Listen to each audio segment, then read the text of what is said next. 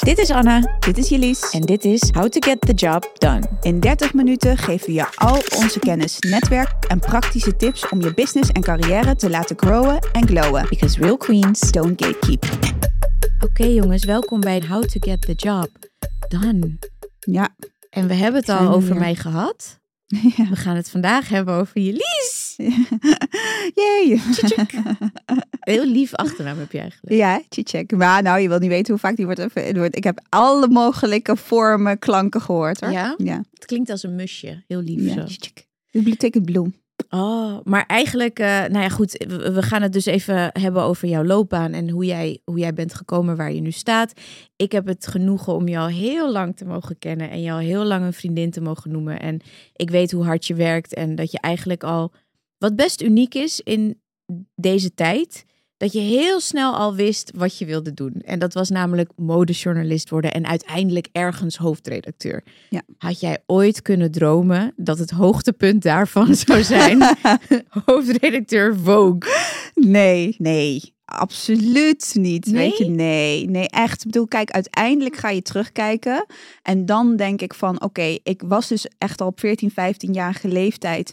Kocht ik dus de Amerikaanse en de Britse Vogue al. En daar knipte en plakte ik uit, ook uit de FIFA en zo. Hè. Dus eh, het was van alles. L, Girl had je toen nog. En, eh, maar ook die bladen. En, en toen ging je knippen, plakken. Ja, eigenlijk zou...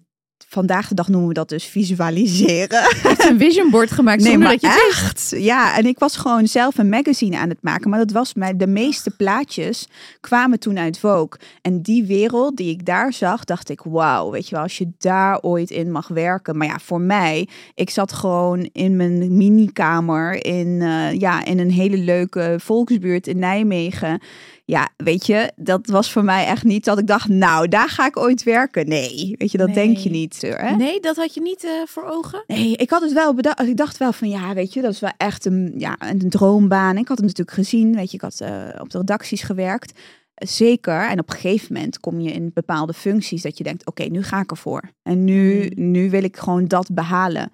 Maar dan nog steeds, ja, ik heb gewoon nog ook last van imposter syndrome. Weet je, als in, Ach, ja. dat ik soms nog steeds denk, Denk, dat je bij nog steeds Vogue denkt, zit. wat doe ik hier? Ja, van wanneer, wanneer ontdekt iemand dat ik dit helemaal niet kan en komt iemand mij hier halen of zoiets. Nee, Ja. die dag gaat niet komen. Nee. Want ik weet, ik weet wat jij allemaal kan. En ik weet Mm. vooral eh, wat jouw grootste talent is. Is dat je heel goed vooruit kan kijken. En heel erg weet hoe je moet netwerken. En wie je moet hebben om ergens Ja. te komen. Ik denk dat jij daar heel goed in bent. En je bent gewoon niet bang om keihard te werken. Nee. En je bent, wat ik soms in onze vriendschap denk ik, jullie kom, het is goed. Ja. Maar je bent de grootste perfectionist die ik ken. Een eigenschap die ik totaal niet heb. Want ik denk bij alles, oh, het is goed. Ja, Ja, ik vind het goed. Ja, grappig, want dat denken mensen. Denk, ik denk dat mensen het andersom Denk denken. je echt? Ja? Dat ze denken dat jij heel perfect Nee, maar juist de mensen die je niet kennen. Hè? Mm. Dus juist mensen die je dus Mhm. kennen zoals ik. Mhm. Weet dat ik hier de perfectionist ben. Ja. En jij gewoon best wel easy going. Van, ja, is joh, prima. alles goed. Dit beeld is gewoon mooi. Weet je, en ik echt zo, nee, moet daar en dit en dat. En dat ja. Maar goed, daar ben jij ook de, nou ja, de grote lady bij Vogue voor. Ja, ja, en ik niet. dus dat Het is ook wel fijn dat ik dat heb, want ja, anders kom je er niet. Ja. Absoluut. En, een, en bijvoorbeeld een Instagram-grid, jongens, waar ik echt alleen maar van kan dromen. Wat zo mooi is. Maar Mhm. Ja. ehm, als je kijkt naar waar je nu staat, dat is dus Mhm. Vogue en waar je ooit bent begonnen. Ik vond het heel mooi. Ze hebben ooit eh, een, een artikel over jou. Ik weet niet meer welke krant, maar dat was best wel gerenommeerd. En die hadden het over van, van pizzabezorger tot Ja. hoofdredacteur. Dat, dat zou denigrerend kunnen zijn, maar ik vond dat eigenlijk heel mooi. Want je komt uit een bicultureel gezin met een strenge Turkse vader. Ja. Een hele volksachtige moeder Mhm. met alle liefde naar jouw mama. Ja. Maar toch hele andere culturen Ja. die bij elkaar kwamen. Ja. Ehm, en je hebt echt, wat wij allebei hebben gedaan, je hebt het echt van scratch opgebouwd. Dus hoe begin je waar jij vandaan komt? Mhm. In Nijmegen uit een volksbuurt met een vader met een snackbar. ja. En werk je je omhoog tot waar je nu staat. De, de, de beknopte versie. Ja, de beknopte versie.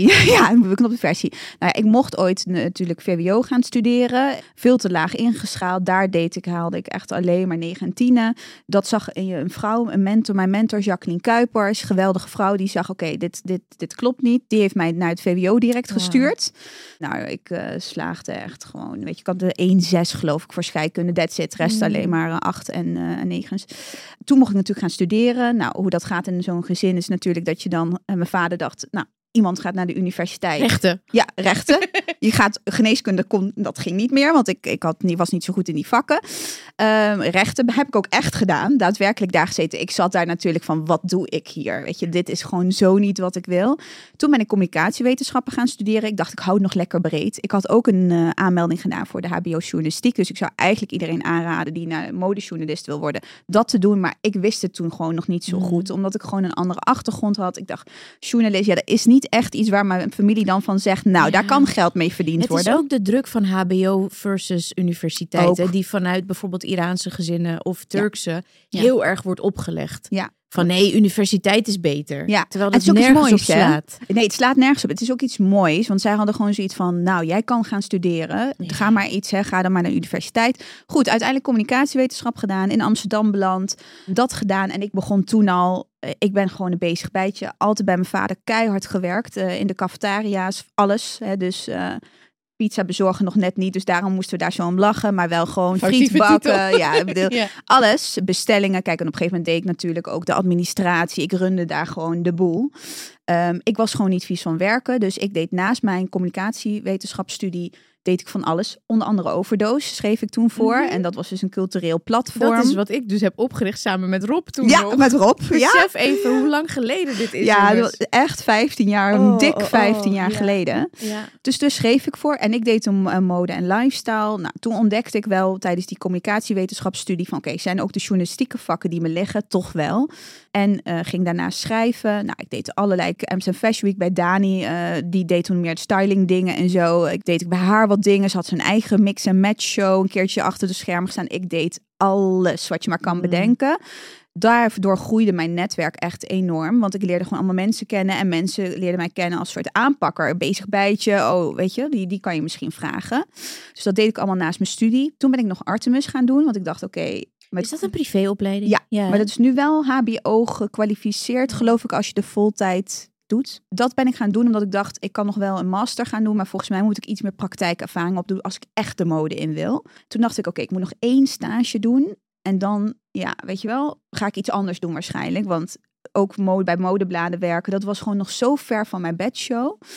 Dat werd stage Marie Claire. Nou, en daar is Mm. alles begonnen. Ik kwam in een soort warm bad terecht. Eh, ik heb me echt onmisbaar gemaakt. Ik, ik startte om acht uur, ging om acht uur weg. Ja, ik deed alles wat me gevraagd werd. Toen mocht ik blijven of in ieder geval terugkomen. Uiteindelijk onder een andere hoofdredacteur. Ik was eerst bezuinigd, dus moest eerst eruit. Ik huilen. Bij PR-bureau nog gewerkt, Spice PR, maar dat is de hele andere kant.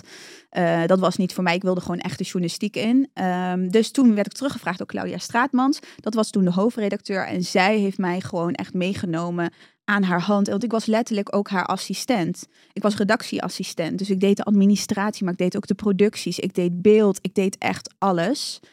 Uh, maar de grap is, is dat dat gewoon de beste opleiding ooit is tot Mm. hoofdredacteur. Ik werd toen aangenomen omdat er zoveel bezuinigd werd van, we hebben nog één baan en dan ben je manusje van alles. Mhm. Nou, eigenlijk zei iedereen tegen mij, je brengt het al gek, weet je, want daar moeten ze eigenlijk vijf mensen voor aannemen en zoveel uur. Maar het was gewoon de opleiding tot hoofdredacteur, want je weet gewoon wat elke afdeling doet Ja. hoe het in elkaar, wat ze nodig hebben. Nou ja, en zij was echt ook iemand die bijvoorbeeld dan voor de plank stond, waar dus het magazine hangt. En dat ze dan zei van, kom eens, kom eens Jelies. Nou, wat, wat vind je ervan? En dat ik echt net een paar, een beetje een half jaar Oh. daar werkte. En dan zei ze tegen mij van, eh, jij wordt nog eens hoofdredacteur. En dan zei ik, ha, ha, ha, weet je wat een grap? Tuurlijk niet. Dit is niet voor mij weggelegd. Het voelde voor mij ook, het waren ook best wel hè, eh, vrouwen uit andere soort milieus, andere achtergrond. Eh, ik, ik hield toen ook mijn achtergrond nog een beetje verborgen, half. Want ik dacht, oké, ik weet niet hoeveel ik kan prijsgeven. Ik werkte gewoon in de weekenden nog bij de snackbars van mijn vader.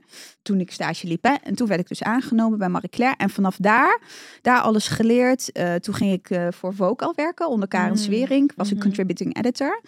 En eh, deed toen ook voor talks hosten, eh, allerlei andere dingen. Zo kwamen wij elkaar ook weer tegen. Hè, want wij deden ook allemaal gewoon van alles daarbuiten. Ik had toen ook nog een blog die unpublished, nou ja, van alles. Eh, en toen ben ik gevraagd door Anke de Jong als adjunct hoofdredacteur voor Glamour. Nou, en dat was ook echt, daar gingen we pionieren. Met Glamour konden we zoveel, dat was zo leuk. En Anke is ook echt een ondernemende geest, weet je, die, Mm. die, die drijft dat ook aan. Dus wij waren samen echt van, oké, hoe kunnen we het anders maken? Wat, wat kunnen we hiervan maken? Wat kunnen we nog meer doen? Nou ja, en op die manier werd ik gezien en eh, vroeg Karen Swerink mij weer om hoofdredacteur te worden van Linda Meijden. Nou, en dat was mijn eerste functie als hoofdredacteur bij Linda Meijden. En je moet eigenlijk wel een beetje in die soort functies hebben gezeten om, om nou, bijvoorbeeld hoofdredacteur te worden van Vogue of een andere uh, vooraanstaande titel. Want ja, dat zijn zulke belangrijke titels. Het is denk ik ook anders dan wat mensen denken. Want eh, hoe zou jij in een paar woorden omschrijven wat een hoofdredacteur precies doet? Ja, nou heel veel mensen denken dus dat je een soort creative director bent. dat is niet zo. Uh, nee, gedeeltelijk, maar niet. Nee, je bent ook gewoon heel. Je bent ook veel public relations aan het doen. Je bent ook veel uh, intern aan het schakelen, mensen aan het managen, uh, afdelingen aan het managen, maar ook gewoon natuurlijk wel grote lijnen uitzetten. Dus wat voor thema gaan we voeren, welke verhalen gaan we brengen, wat zijn nieuwe mensen waar we iets mee kunnen, weet je wel, brainstormen met je modeafdeling, human interest, zeitgeist van welke verhalen zijn wij tegengekomen, weet je, dan zet je journalisten aan het mm. werk en dan ga je daarover brainstormen. Tuurlijk doe je dat, de grote lijnen, maar echt uitvoerend, weet je, daar moest ik zo aan wennen, ook dat ik op een gegeven moment ineens zelf niet meer ging schrijven. Bij Glamour schreef ik nog best wel veel zelf ook, vond ik leuk. Nou, en bij Linda Meijden helemaal niet meer. Dus is gewoon de tijd niet voor. Nee, daar is de tijd helemaal niet voor. Nee. nee. Schreef ik niet zo heel veel meer. Dus uh, ja, je kan verschillende, uit verschillende kanten komen als hoofdredacteur. Dus je kan ook, en nu zie je tegenwoordig ook, de een komt uit de marketinghoek, uh, de ander komt meer uit de modehoek. Dus die zijn meer stylist. Nou, die zullen zich meer iets meer daarmee bemoeien. Mm. De Edward Annenful is zelf een geweldige stylist. Mm. Ja, die bemoeit zich ook meer met de styling, de Britse. Vogue, hoofdredacteur van de Britse Vogue. Dus die doet meer daarmee. Uh, ik ben, kom meer uit de journalistiek. Dus ik ben veel meer van het schrijven. Wil me daar mhm. meer veel op focussen. Wat van verhalen brengen. Welke interviews. Welke inhoudelijke stukken. Welke modefeatures. Dat is maar net waar je waar vandaan komt. Ik denk dat heel veel mensen als hoofdredacteur dan direct denken van dat je het beeld maakt of zo. Maar dat is niet per se. Ligt een beetje uit uit welke hoek je komt. Of een soort van heel erg een soort Devil Wears Prada. Gewoon dat je de hele dag glamorous bent. En ja, door, door, de auto rond wordt gereden. en zo. Dat is, maar ik, volgens mij heb je ook heel veel verantwoordelijkheid voor de financiën. Voor hoe goed een nummer verkoopt. Uh, uh, de budgetten die je hebt voor shoots. Dit is Nederland, weet je. Dit, dit is, we worden niet rondgereden door een chauffeur. En nee, weet je, dat is allemaal dat is een Hollywood-vertaling sowieso van hoe het is. En dat is natuurlijk met de grote titels heus. En dat zijn echt personalities, weet je. Die hebben ook uh, gewoon zo'n staat van dienst. En dat zijn gewoon andere markets. Uh, maar dat is hier echt niet. Weet je dat je. Nee, dat is dat. Wij gaan gewoon lekker met ons, uh, met alle Nederlandse hoofdredacteuren. Als we in Parijs zijn tijdens Fashion Week Milaan. Zie je ons gewoon op dat stepje voorbij komen hoor. Ik had ook een, uh, een Griekse en een Turkse collega die op een gegeven moment in een taxi zaten. En dat was best wel koud. En ik was, ja, ik dacht, ik haal anders de Chanel show niet. Ik ga gewoon met de step. Weet je ja. wel, gewoon fijn. Al die mensen in zo'n lange rij in die taxis en de stressen in die, met, met, dan heb je dus een chauffeur, zit je helemaal te stressen in die taxi. Nou, en toen kwam ik dus met mijn stepje voorbij. Toen kwam dus die hoofdredacteur naar buiten en die zei: Only one, there's only one that can do that. is wel waar. Ja, maar ja, weet je, ik bedoel, ik ben op tijd, ze niet te stressen, kan mijn beelden maken, kan lekker zitten, kan rondkijken. Ik, ik weet je, dus uh, nee, dus dat gaat heel anders. Uh, en je bent gewoon veel bezig met ja, overleggen, schakelen. Weet je, dat vergeten mensen gewoon heel veel. Hè? Dus uh, ja, dat je, ja, je bent, uh, je bent ook gezicht naar buiten. Je bent, ja, je bent al die dingen en je hebt maar zoveel uur. Dus je bent niet de hele dag aan het nee. brainstormen en creëren. Dat denken mensen, dat je dat de hele dag tijd voor hebt om dat te doen. Maar ja, nee. En dan komt de dag dat jij als een van de weinige mensen op de wereld, denk ik, echt een gesprek mag hebben met Miss Wintour. Mm voor je sollicitatie. Ik weet niet in hoeverre je er veel over mag vertellen, want ik kan me voorstellen dat dat ook gewoon mm. voor jullie is. Maar hoe is zoiets?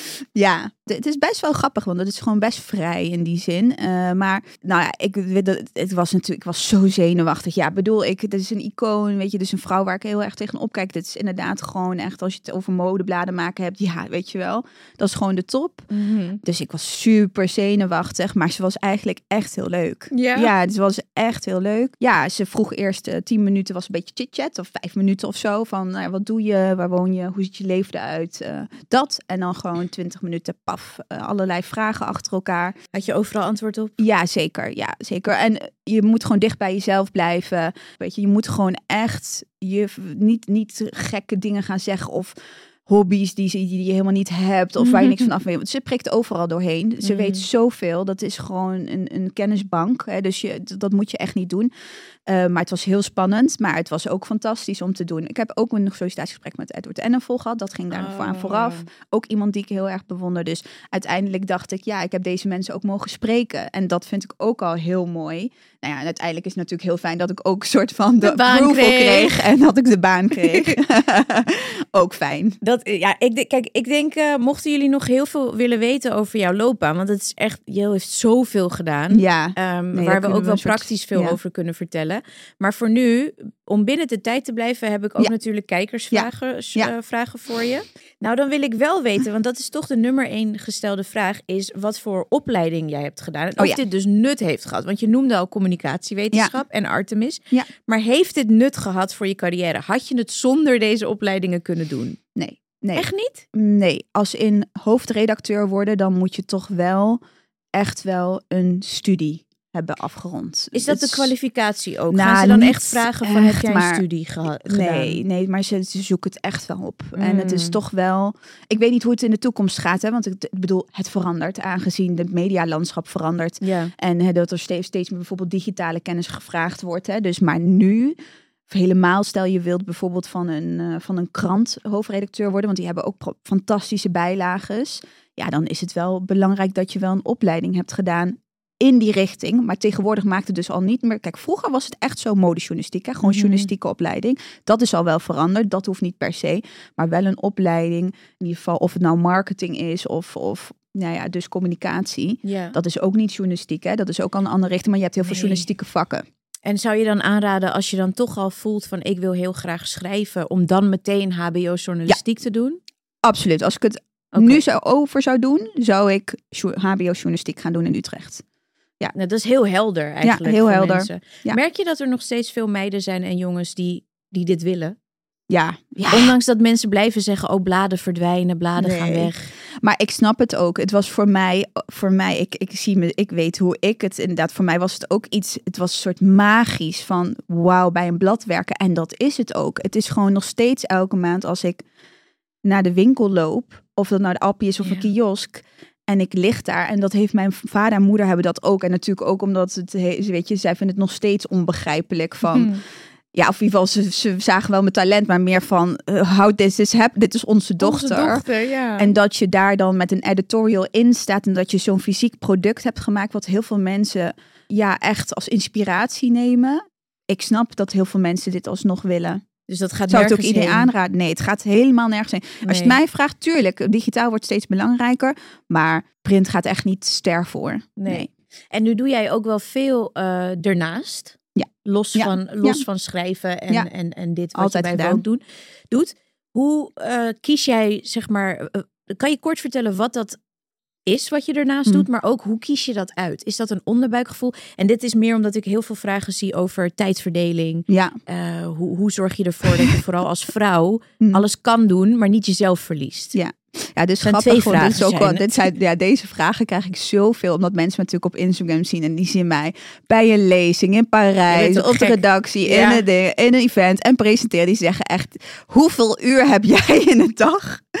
Nou ja, eh, ten eerste daarover gesproken, je kent me. Ik heb een eh, vrij strak regime, hè, dus ik ga Ja. heel vroeg uit bed. Dan is er een uur een soort van ja, self-work uur. Hè, dus eh, mediteren, opstaan, affirmaties, eventueel hardlopen. Ja, dus ik ga nu, mijn klok staat nu op zes uur. Probeer een uur eerder nog op te staan dan Je, ga je vijf uur doen? Nee, ik ga nu zes uur. Want Oh. het was op een gegeven moment half zeven geworden. Toen werd het weer zeven uur. Dus ik ga nu, maar nu wil ik zes uur proberen. En die gekke ijsbaden en zo die je dan doet ook Ja, wel eens? Ja. Ja, ja, ik ben echt, ja, ik ben echt, daar gaan we natuurlijk ook nog een special Ja. voor over, over mental health. Luister, echt, mental health voor any job, voor any business. Echt, dat is zo belangrijk en dat gaat je zo ver brengen. En Ja. dan kan je zoveel doen. Echt, je kan echt van alles. Je kan any business starten. Je kan succesvol zijn, maar ik, je moet echt, weet je, ook voor jezelf goed zorgen. En dit is mijn manier om goed voor mezelf te Ja. zorgen.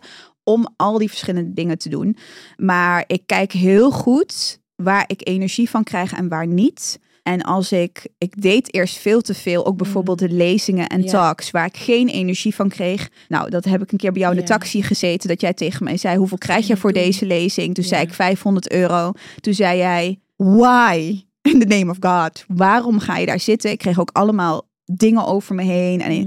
weet je, want je zit daar toch altijd, nu zit ik daar meer als autoriteit. Iemand die aan de top of the chain staat bij de modebladen. Dus dan krijg je ook soms hè, kri- kritische vragen, wat echt fijn is. Maar, eh, want daar kan ik heel goed mee omgaan. Maar soms denk je, nee, dat moet ik dus niet meer doen. Ik moet echt, weet je, lees niet goed in elkaar zitten. Goede, goed panel, goede sprekers. Dat, ehm, dat doe ik nu veel beter. Want, Ja. ik, eh, want anders ben ik op allerlei plekken die me gewoon geen, waar ik niet blij van word, die niks bijdragen aan mijn groei, aan mijn ontwikkeling, aan andere businesses.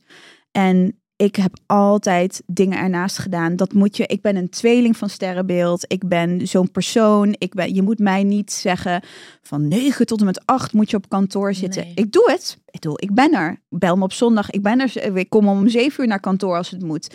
Maar je moet niet gaan van oké, je mag niks ernaast doen. Weet je wel, geen lezing waar ik bijvoorbeeld heel enthousiast van word als het gaat over kansgelijkheid of eh, women empowerment. Beetje leeg begrip soms, maar dat soort dingen. Dus dat doe ik er allemaal naast. Mhm. Ja.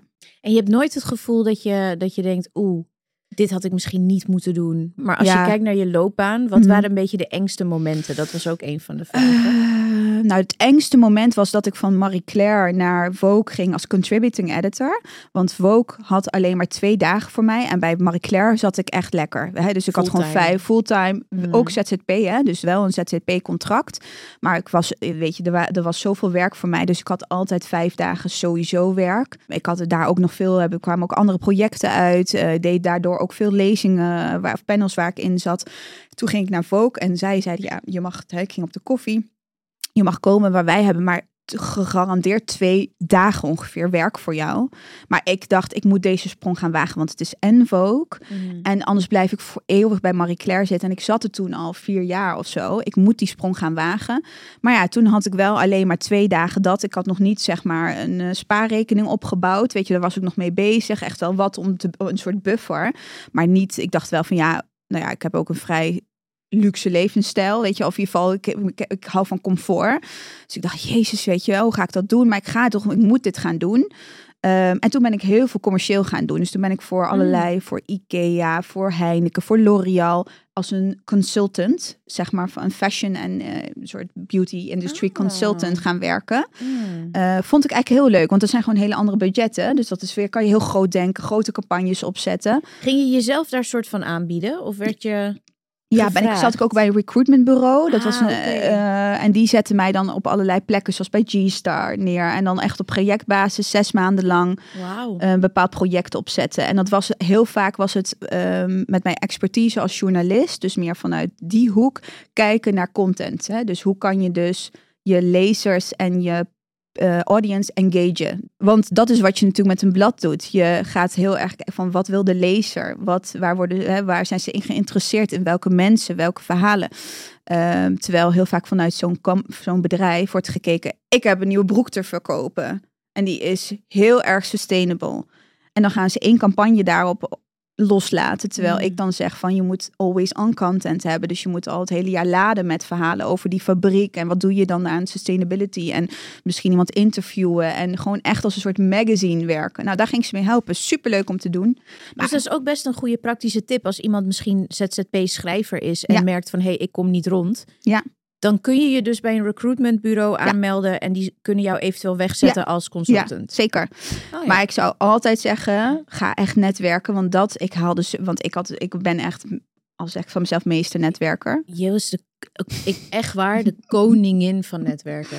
Ik heb wel eens dat we een event hebben samen en dan zeg ik, ik heb zo geen zin. Ik heb geen zin om met mensen te praten. Zegt ze, ik doe het wel. Komt goed. En dan kan je haar neerzetten. Ik weet niet wat jij doet, maar jij raakt ook niet uitgepraat. Je kan je interesse houden. Ik ben na één minuut ben ik gewoon afgedwaald. Dan gaan mijn ogen gaan soort van en dan mijn mond gaat hangen en dan weet ik al van, oh ja, ik ben I'm gone.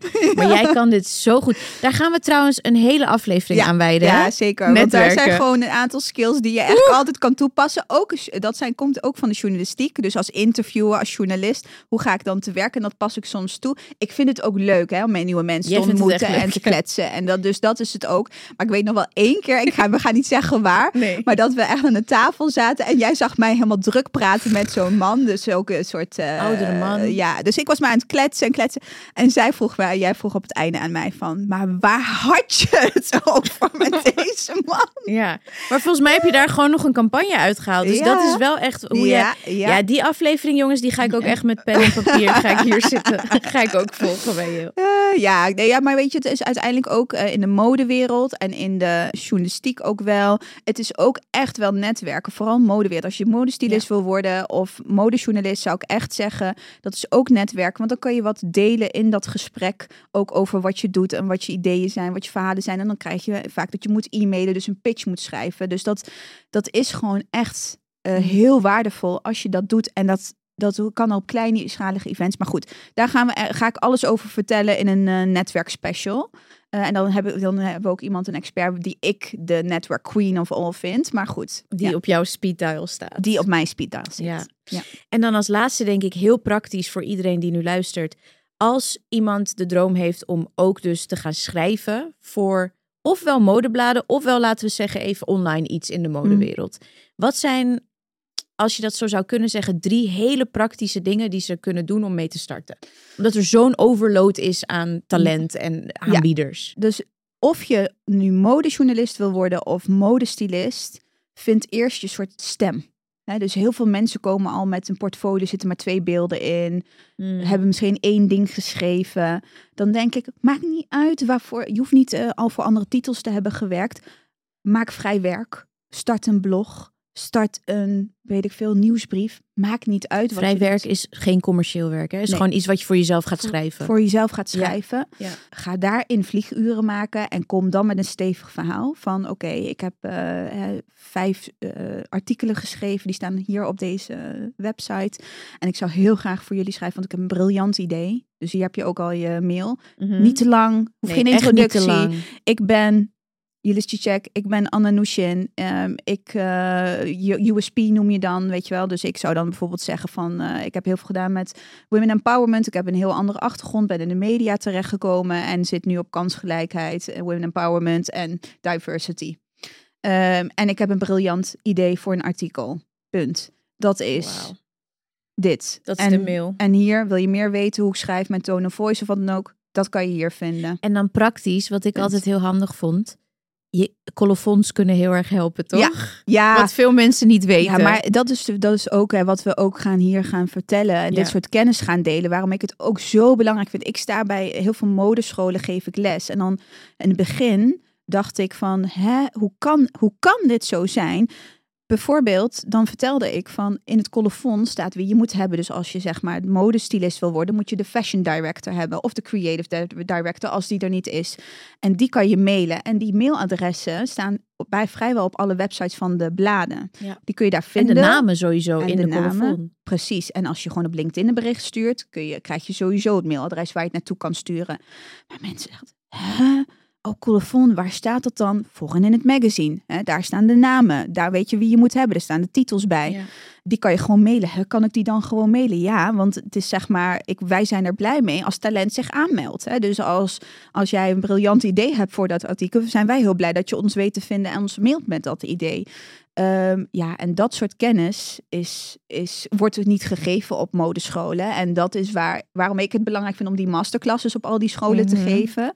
Waar, dat is ook gewoon heel grappig. Daarna krijg ik ook altijd duizenden mails natuurlijk. Weet je, want Tuurlijk. iedereen denkt van... Ik ga me aanbieden. Nou, bij haar, weet je, als zij kan ik dan, eh, kan ik dan mailen. Dus, eh, eh, maar ik vind dat wel echt belangrijk om, om die kennis te blijven delen. En het dus te laten zien van, het is echt niet zo ver weg. Het is echt wel, je kan echt met een, eh. Met een idee of met een portfolio, als je dat hebt opgebouwd, gewoon mailen naar iemand van de redactie. Mhm. Nou, la, ik, ik, we gaan dit nog zo uitgebreid bespreken. Maar ik denk dat het wel een heel mooi haakje is om ook uit te leggen waar FI voor staat voor ons. Ja. Is dat we dus heel praktisch dit soort dingen Ja, aan je willen Precies uitleggen. dit. Ja. Echt, eh, als een van de voorbeelden geef ik ook altijd dit, dat ik dus op die modevakscholen dan dit soort kennis er gewoon niet is. Van Nee. hoe, maar ja, hoe, wie mail ik gewoon? Waar begin ik? Wat en doe dan ik? net wat ik dus net noemde, noemde van hoe je zo'n mail opstelt. En dan krijg ik soms echt mails, nou, die zijn zo lang. En dan denk ik, ja, maar dit kan ik niet allemaal doorlezen. Het is echt gewoon bullet points bijna. Zo'n Ja. mail opstellen met je werk. Mm. Eh, maar dat gaan we, gaan we en te- templates voor leveren en eh, ook de, nog veel meer hierover delen. gaan we jullie allemaal meer over vertellen. Ik hoop dat jullie deze eerste twee afleveringen eh, nou ja, leerzaam genoeg vonden om je aan te sluiten bij onze hele lieve community, waar we zoveel zin in hebben om de komende maanden, jaren te gaan doen. Yes, schrijf je in voor de nieuwsbrief. Ook dat. Dankjewel jongens. Dank allemaal voor het luisteren. En vergeet ook niet onze show notes waar je alle linkjes vindt naar onder andere onze social media pagina's waar elke dag hele inspirerende content op te vinden is. Tot volgende week! See you next week.